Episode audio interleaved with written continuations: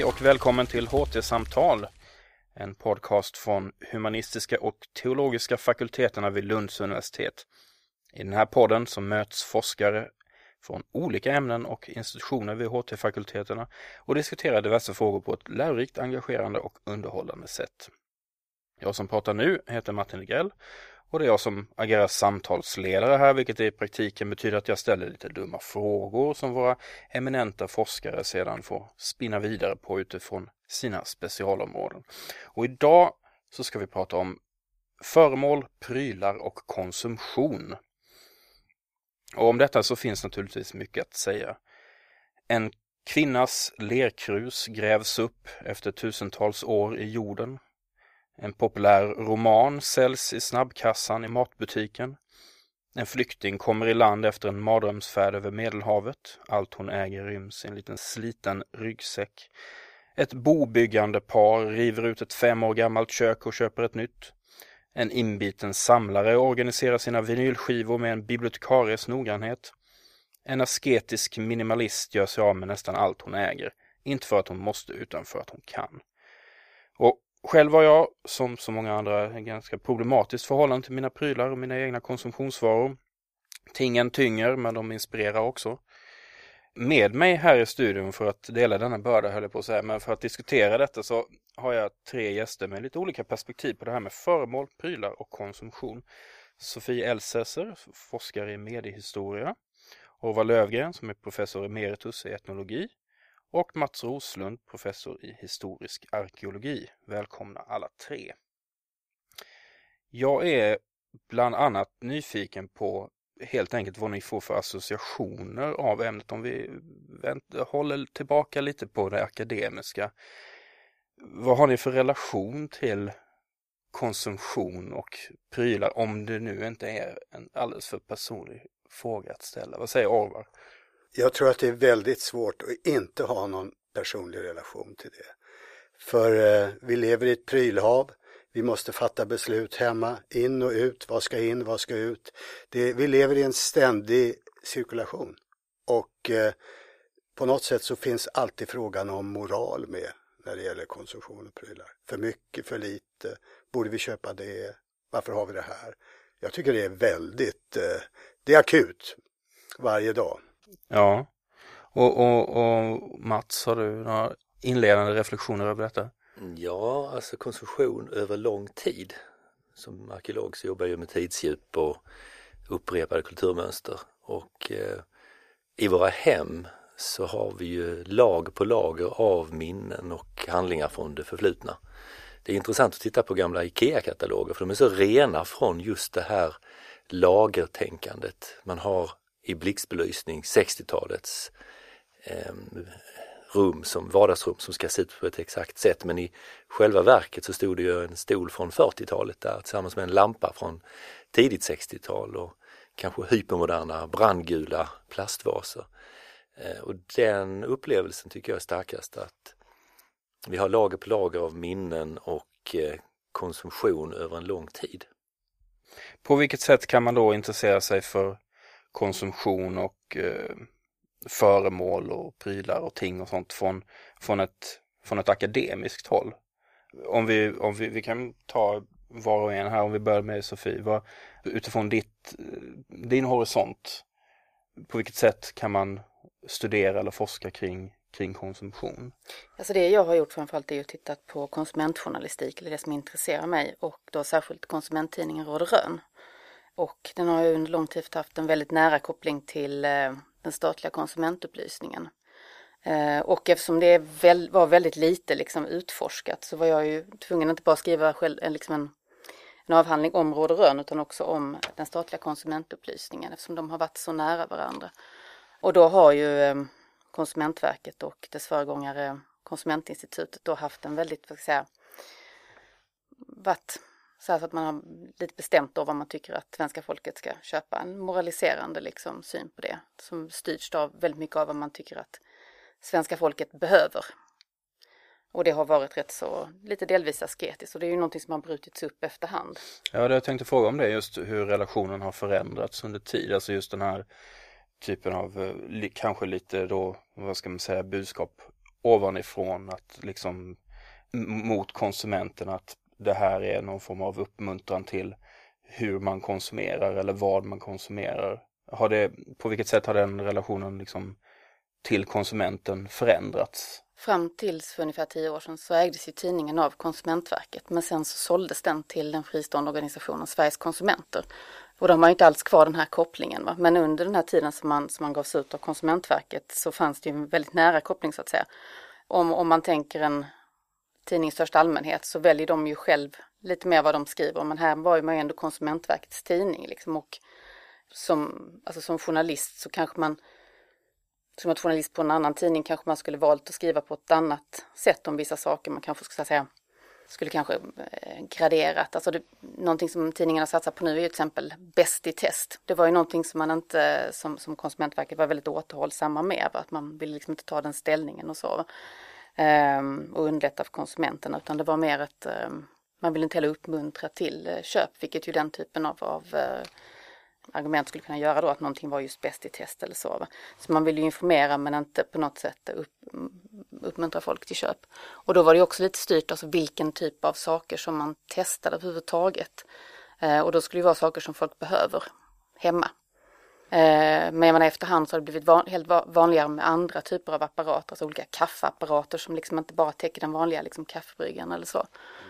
Om man ska gå ända så där långt bort som till 70-talet och så, så hade man ju, där kunde man ifrågasätta eh, från Konsumentverkets sida att man överhuvudtaget testade kaffebrygga, för var det verkligen en nödvändig produkt?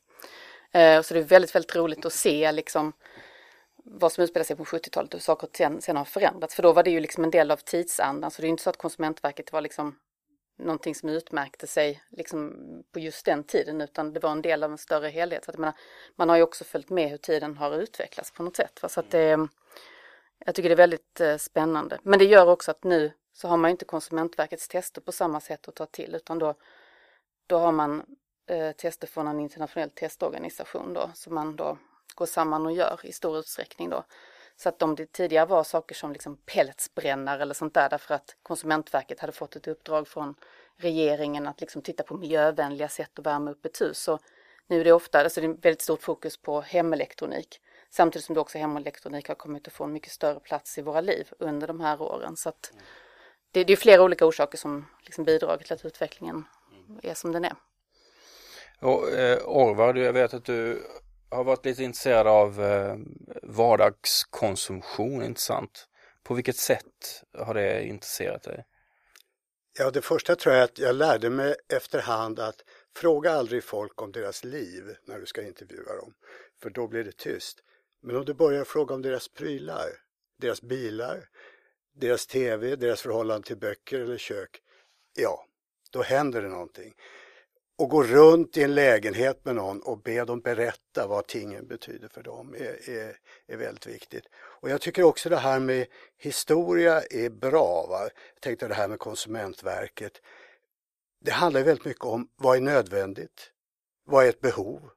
Och vem bestämmer det? Och för vem är det det? Och då tror jag att det är ofta bra att bli väldigt konkret. Jag har haft stor glädje av att inventera vad folk packar i en resväska, denna moderna uppfinning. Va? Flyktingen, charterresenären, pendlaren. Plötsligt så står du där med ett mycket begränsat utrymme och så ska du ha det som är absolut nödvändigt. Så att, att hela tiden koppla de här stora frågorna om moral och, och, och normer när de omsätts i handling i prylar, det gillar jag. Och jag tänkte just på det här, om man säger vardagskonsumtion. Om man då ska kontrastera det mot typ lyxkonsumtion. Vad läser vi in i, i, i ett sånt begrepp som lyxkonsumtion? Och vad, vad, skulle vi kunna våga oss på någon form av, vad ska vi säga, inte definition, men, men alltså vad, vad innebär det? Vad är det för, det är laddat på något sätt va?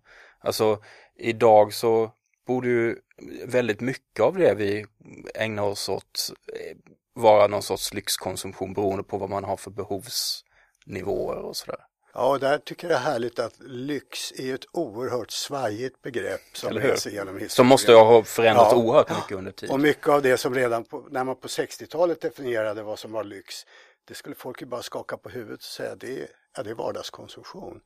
Men det är också spännande om det går åt andra håll. Att, att en del av vardagen kan plötsligt bli lyx därför att det har med eh, föreställningar om en grön livsstil och annat sånt där. Eh, så det går inte bara åt ett håll va? Utan, utan det påvra, det enkla och lyxen är alltid någon slags dialog. Och då måste man nog jobba historiskt. Tror du det kan finnas någon koppling där, apropå det du sa det här med att eh, liksom råd och rön kunde säga då på 70-talet kanske att så, ja, om du verkligen behöver du verkligen den här kaffebryggaren? Just det här med vad som är lyxkonsumtion, hur det har förändrats över tid. Det måste ha varit ganska jag föreställer mig att det måste ha varit ganska dramatiskt just under 1900-talet, alltså överhuvudtaget, att det förändras väldigt snabbt.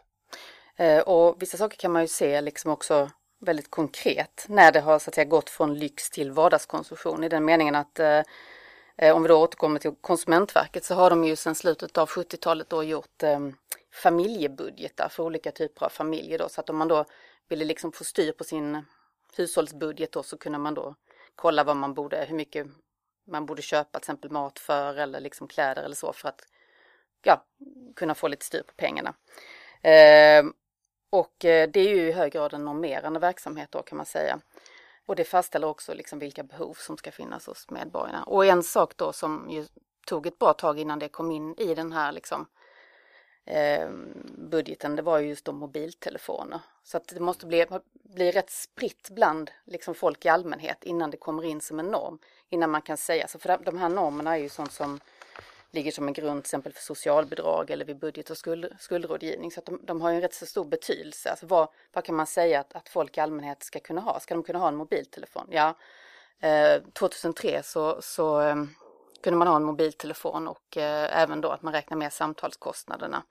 Men eh, under de här första åren så var det liksom så att vad hushållet förvänt, förväntades ha en, liksom, en, en mobiltelefon. Va? Och det var först ett par år senare då som det var en, liksom, en personlig produkt att man har en mobiltelefon. Så att det det hela tiden den här typen av förskjutningar. Mm. Um, som är väldigt intressant. Va? Och, det, och inte minst då, um, här går ju att ta den här um, parallellen också när man diskuterar nu ibland då det här med, med uh, flyktingar, att de har en mobiltelefon. Ja men då kan de ju inte riktiga flyktingar eller så va. Men jag menar det är ju på något sätt, det är ju liksom en, någonting som är vardag i liksom de flesta människors uh, liv. Mm. Uh, Mats, ditt, ditt fält är ju arkeologi som sagt. Och tidsperspektiven är ju lite annorlunda kan man mm, minst sagt mycket. säga. Men kan man säga någonting om så att säga, människors relation till prylar, om vi nu använder oss av ordet prylar eller föremål som låter lite mer städat sådär kanske. Men, alltså kan, kan du utifrån liksom ditt källmaterial och din forskning säga något om liksom hur, hur människor relaterar till, till sina föremål, till sina ägodelar förr, förr, förr? I den gamla, Absolut. gamla, gamla tiden. Absolut. Det är ju, för att anknyta till konsumtionstanken så är det för mig ett ganska modernt begrepp som hänger ihop med möjligheten att välja hur man vill konsumera, vad man vill använda och också en slags överskott har det konnotationer till. Konsumtion det är någonting som man vill bruka och använda eh, utöver det som är ren mat och husrum. Och det finns ju givetvis i det förflutna också, men det var ganska väl eh, få förunnat. Däremot så kan man ju säga att, eh, att konsumtion på det sättet att man använder olika saker från andra länder, från andra områden som inte direkt har med mat att göra, det finns en konsumtion. Men det som skiljer nutidens konsumtionsmönster mest från det förflutna skulle jag vilja säga är de sociala normer som sattes upp. Idag så vi får ju köpa allt, bara vi har pengarna. Alltså det finns ingen norm kring vad du inte får lov att göra. Men i många av de samhällen som jag studerar så får man inte lov att köpa purpursiden till exempel. Du får inte lov att bära det för att det indikerar en roll i samhället som du absolut inte får. Eh, och den typen av samhällsbild och konsumtion är vi ju som tur är befriade ifrån idag. I alla fall i, i det land vi lever i. Konsumtion för mig det är ju också ett sätt att peka på interregionala relationer. Konsumtionsmönster till exempel 1600-talets Amsterdam som suger in saker från hela den kända världen. Eh, 1500-talets Spanien som är en enorm konsumtionscentrum mm, som lever då på silver och guld ifrån i den nya världen och som medvetet eller icke medvetet glömmer att själva producera så de blir beroende i sin konsumentlusta, blir beroende av andra länder runt omkring när det gäller det vardagliga och faller in i en recession och en ekonomiskt problem. De konsumerade för mycket helt enkelt. Men idag så kan vi välja på grundval av ekonomi men inte, det kunde man inte göra i alla de här samhällena som jag studerar. Och vilka, vilka samhällen pratar vi om då? Ja, vi har ju det ända upp till tidig modern tid, till 1700-talets te och kaffekonsumtion till exempel. Det var ju normativt även där. Jag kan tänka mig en Bellman satt och läste 1700-talets Råd och Rön, vilket som var lovligt eller icke lovligt eller vilken brännvinskrog som var bäst och så vidare. Det där, eh, man fick inte tillgång till det bästa även om man kunde, om man tillhörde borgarklassen till exempel. Också mycket normativt. Men konsumentupplysning då, rent generellt, alltså inte i den moderna tappning som vi har idag, men hur långt kan man se, hur långt tillbaka har vi det? eh, alltså man skulle kunna hitta en del spår, kanske slutet av 1800-talet, men annars alltså mer systematiskt i Sverige så sätter du igång någonstans eh, mitten av 1900-talet, eller ska säga, i samband med, med eh, första världskriget, så det är lite tidigare. Mm. Mm. Så det finns ingen sån 1500-talsversion av prisjakt.nu eller? Um, Nej. Det är ingenting jag har lyckats lokalisera i alla fall. Nej. Nej, men det är intressant, eller hur? För att det, det är ju också någonting som, det är klart att om inte den här konsumtionen utöver det allra nödvändigaste var eh, extremt utbredd så kanske, man, kanske inte det här behovet fanns. Va? Ja, jag tänkte just på det där med vad man får köpa och, och inte. Alltså på, på 60-talet började en jättelik debatt om att vi nu var inne i överkonsumtion. Ekonomer, rådgivare och andra la liksom pannan i djupa veck. Det här går inte, nu blir det för mycket av allting. Går man tillbaka till 60-talet och tittar på det idag så verkar det oerhört lugnt och stilla och inte särskilt. Men det som var spännande med det var att vad hände på 50-60-talet? Jo, det var att arbetarklassen nu fick råd att köpa det som medelklassen tidigare hade. De kunde till och med börja tänka sig att åka på charterresa.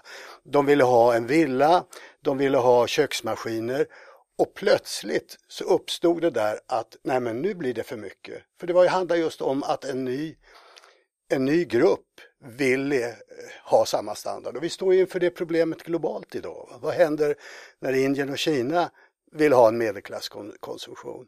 Så, så dilemmat finns kvar, vem som får konsumera vad, vad är rimligt? Och vad är nyttigt och vad är schysst? Om det tidigare fanns mer eh, så att säga formella hinder för det förr från den här konsum låt oss säga den, den demokratiserade konsumtionen. Vad, vad är det för hinder idag? Alltså är de mer utifrån något socialt, kulturellt Ja, det är ju Eller mer så här. arga blickar ibland. Ja. Det finns en social kontroll. Mm. Han hade ju, som Mats, det är ju inte ståndssamhällets regelsystem. Eh, men den sociala kontrollen fanns ju förr också.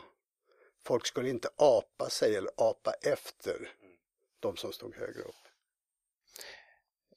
Jag tänkte vi kunde återkomma till det som du tog upp lite inledningsvis här med eh, så att säga den moraliska aspekten eller hur man nu ska uttrycka det på konsumtion. Och för min fråga var nämligen lite mer öppen, vi kanske kunde återkomma till det, huruvida det är svårt eller omöjligt att prata om konsumtion och särskilt då inom citationstecken onödig sådan eh, utan att liksom anlägga ett, ett, ett moraliskt lager till diskussionen. Och du var lite inne på det tidigare att, att det nästan inte går, eller? Jag tror att det, det, är svårt. Man måste ändå vara medveten om att det finns en moralisk. Och vi ser det väldigt nu i grön hushållning. Då blir det plötsligt en moralisk fråga. Borde jag äta det här? Borde jag köra den här bilen? Borde jag ta den här flygresan? Plötsligt så kommer moralen in på ett nytt sätt. Så vi, vi vet inte. Men den finns där och det är ju okej okay att man har en moraldebatt och säger så här tycker jag. Men det, det är en hjälp om man är medveten om att nu tar jag moralisk ställning när jag säger till dig vad jag tycker du bör konsumera. Eller jag vet inte vad ni säger. All konsumtion är normativ i sig själv därför att om du inte får en, en, en arg blick om du konsumerar på fel sätt i fel saker så får du kanske en arg blick eller en uppmuntrande blick när du har rätt saker. Eh, märkeskläder, eh, rätt sorts ostron och champagne. I hela den här vidden av eh, valmöjligheter som vi har finns det hela tiden en slags värdering. Mm, en värdering av vem du är som människa för att alla de här tingen och konsumtionen som vi pratar om vi, eh, vi har framför oss är ju en del av mätningen av dig som människa och individ. Din sociala position, din moraliska karaktär, hela ditt jag blir mätt via tingen. Ja, jag kan väl hålla med om det. Så det känns ju mer, så att säga, mer okej okay då inom citattecken. De syns ju inte så bra kanske genom ett ljudmedium. Men eh, att lägga sina pengar då på liksom mer exklusiva sportprylar eller annat till något lite liksom lite finare fritidsnöje än att liksom att bränna alla pengarna på grejer på Ullared till exempel. Alltså det finns ju värderingar där också. Hur, hur man liksom väljer att lägga sina pengar. Mm. Men jag tänker också på att om det finns en, eh, man tänker liksom att det finns någon reaktion på, uppenbarligen så har den här den här eh, uppmaningen från 60-talet då att nu, nu, är det, nu har det gått för långt. Det, uppenbarligen har det ju liksom inte bitit då. Men jag kan ju själv då tycka för min egen del att jag nästan kräver någon form av motreaktion på basis av den ganska extrema konsumtionen som ändå Eh, finns överallt på något sätt, även om man inte försöker vara liksom så delaktig i den själv. Eh, man spjärnar emot kanske lite grann. För jag är, jag är nästan sådär att jag är kommit i den fasen att jag vill nästan göra mig av med saker. Jag vill liksom, jag vill mot det här asketiska snarare. Och då undrar jag om det är bara jag eller om det är så att man kan se någon form av motreaktion till den här ganska extrema formen av konsumtion vi har just nu. Det, jag vet inte om det är någon som har någon jag tror det är en generationsfråga. Du är en generation som eh, vill tillbaka till något naturligt, någonting eh, gediget, hantverk, allting. En slags hipstergeneration skulle jag vilja säga. Vi som har upplevt gröna vågen på 70-talet känner igen väldigt mycket av de normer och moralismer som finns i dagens press angående detta. Och visst, man kan ju sträva efter att göra sig av med så mycket prylar som möjligt. Ofta så gör det sig själv. Man märker ju vilka saker man använder hemma och vilka som blir liggande. Champagnevisparna från 80-talet är nog inte så frekvent använda längre. Till exempel, så att eh, har man då lite guts så slänger man de där prylarna. Har man inte använt det i tio år så eh, kan man kasta det om man inte vill arkivera det som en eh, museologiskt ting som ett minne. Men jag tänker också rent på de fysiska objekten. Nu, nu är vi ju inte riktigt i ett eh, samhälle än där allting är digitalt.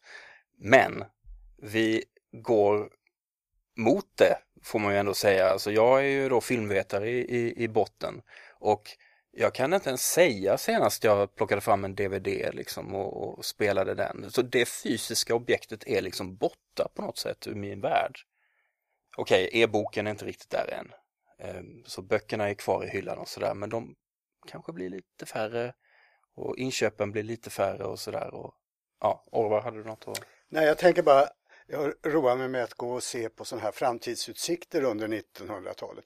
Hur ska vi leva år 2000? Det var en väldigt populär genre på 50-60-talet. I, i um, allt från damtidningar till tv-program och, och prognosmakare. Och de har ett grundläggande tema livet kommer att bli enkelt, minimalistiskt, eh, prylarna kommer att försvinna och elektroniken är räddningen.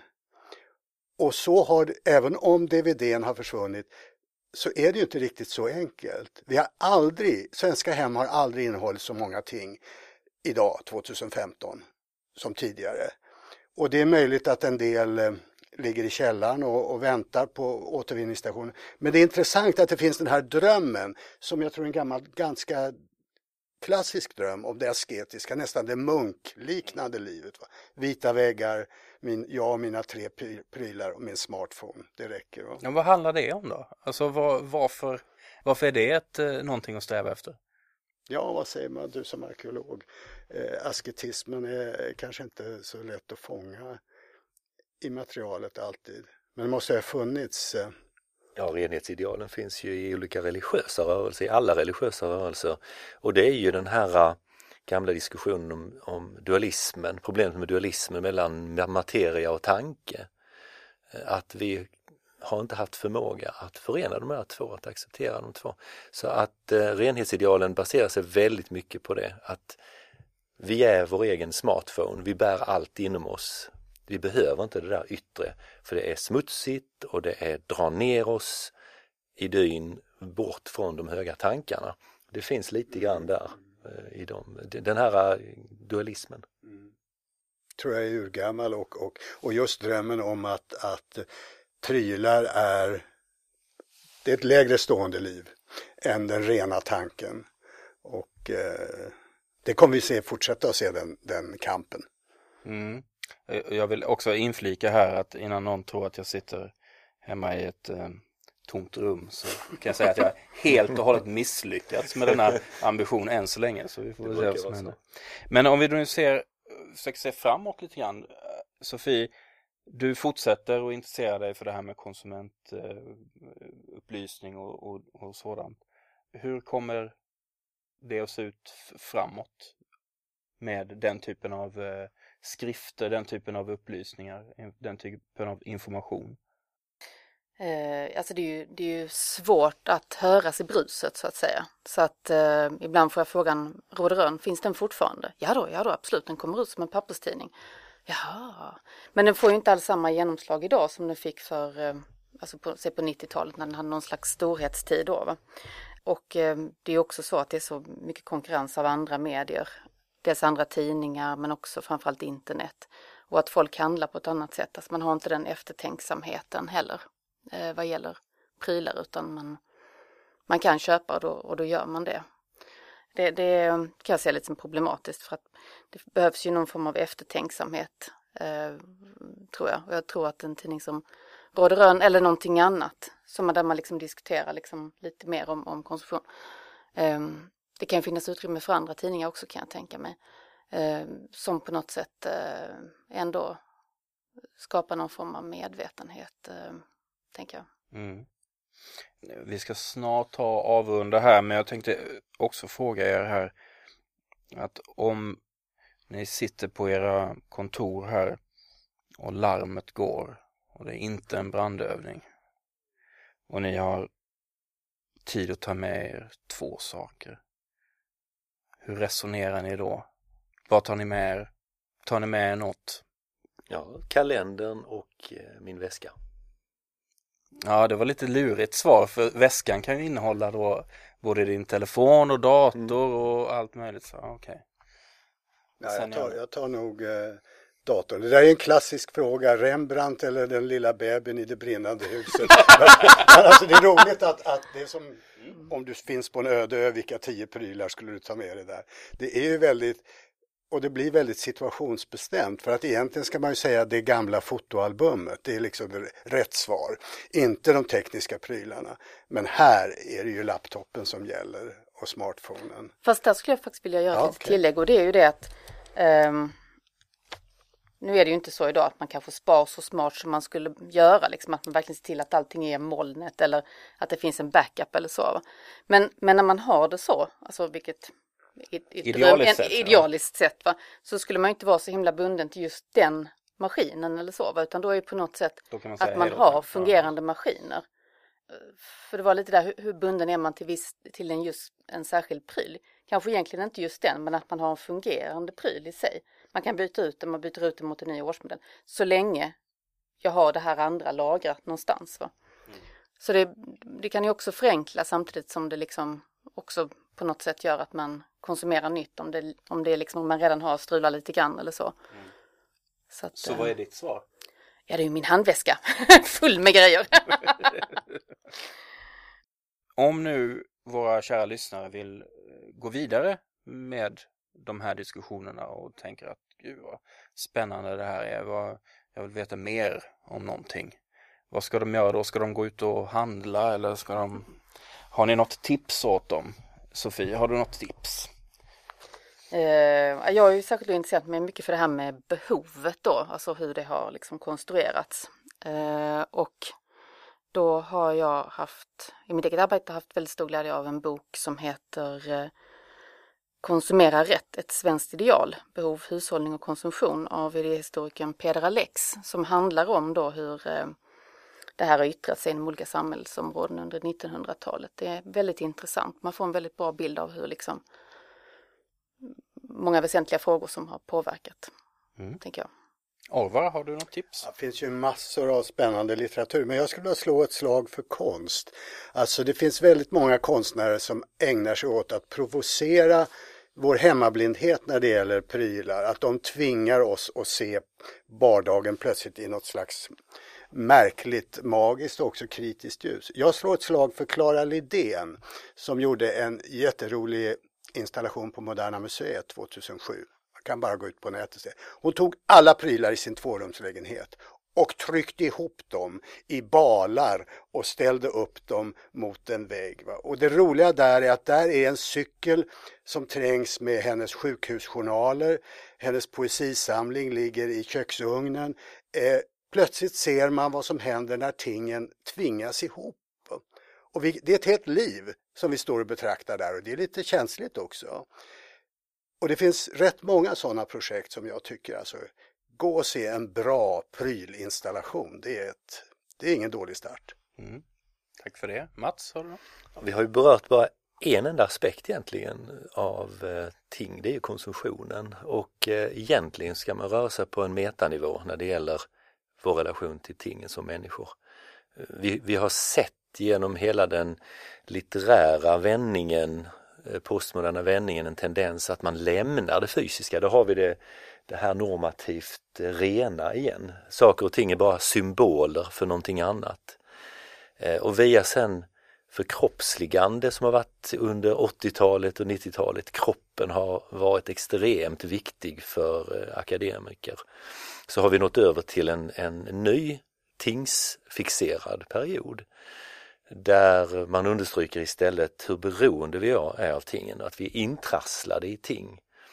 Och eh, utifrån eh, Actor Network Theory, Bruno Latour och många andra eh, filosofer och sociologer så har arkeologer börjat arbeta med just de här begreppen. Och jag har tagit med mig en bok som heter Entangled av Ian Hodder som handlar just om förståelsen för det förflutna, hur vi kan rekonstruera det förflutna just med tanken kring att vi är intrasslade med ting och ting är intrasslade med andra ting för att sen påverka människor. Att vi, vi hittar en slags förklaring till varför vi har så svårt att ta oss bort från den här konsumismen oavsett om det är lerhyddor i en neolitisk by eller om det är en eh, iPhone. Vi är intrasslade. Ja, bra tips. Och med dessa eh, utmärkta ord så avrundar vi dagens avsnitt av HT-samtal. Om lyssnarna vill veta mer om HT-forskningen, vilket vi hoppas att de vill, då går det bra att besöka oss på nätet ht.lu.se. Och vi finns såklart också på Facebook, där heter vi Humaniora och teologi vid Lunds universitet.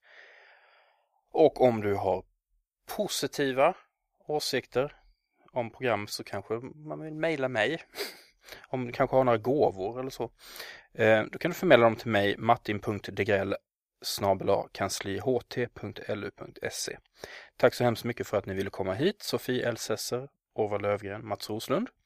Som vanligt så spelar vi in den här podden i Humanistlaboratoriets larmstudio på Lux. Vad står då larm för? Jo, det står för ljudanimering, rörlig bild och musik. Peter Roslund har varit tekniker. Vår signaturmelodi görs av Graham Bowl. Jag heter Martin Degrell och vi hörs snart igen.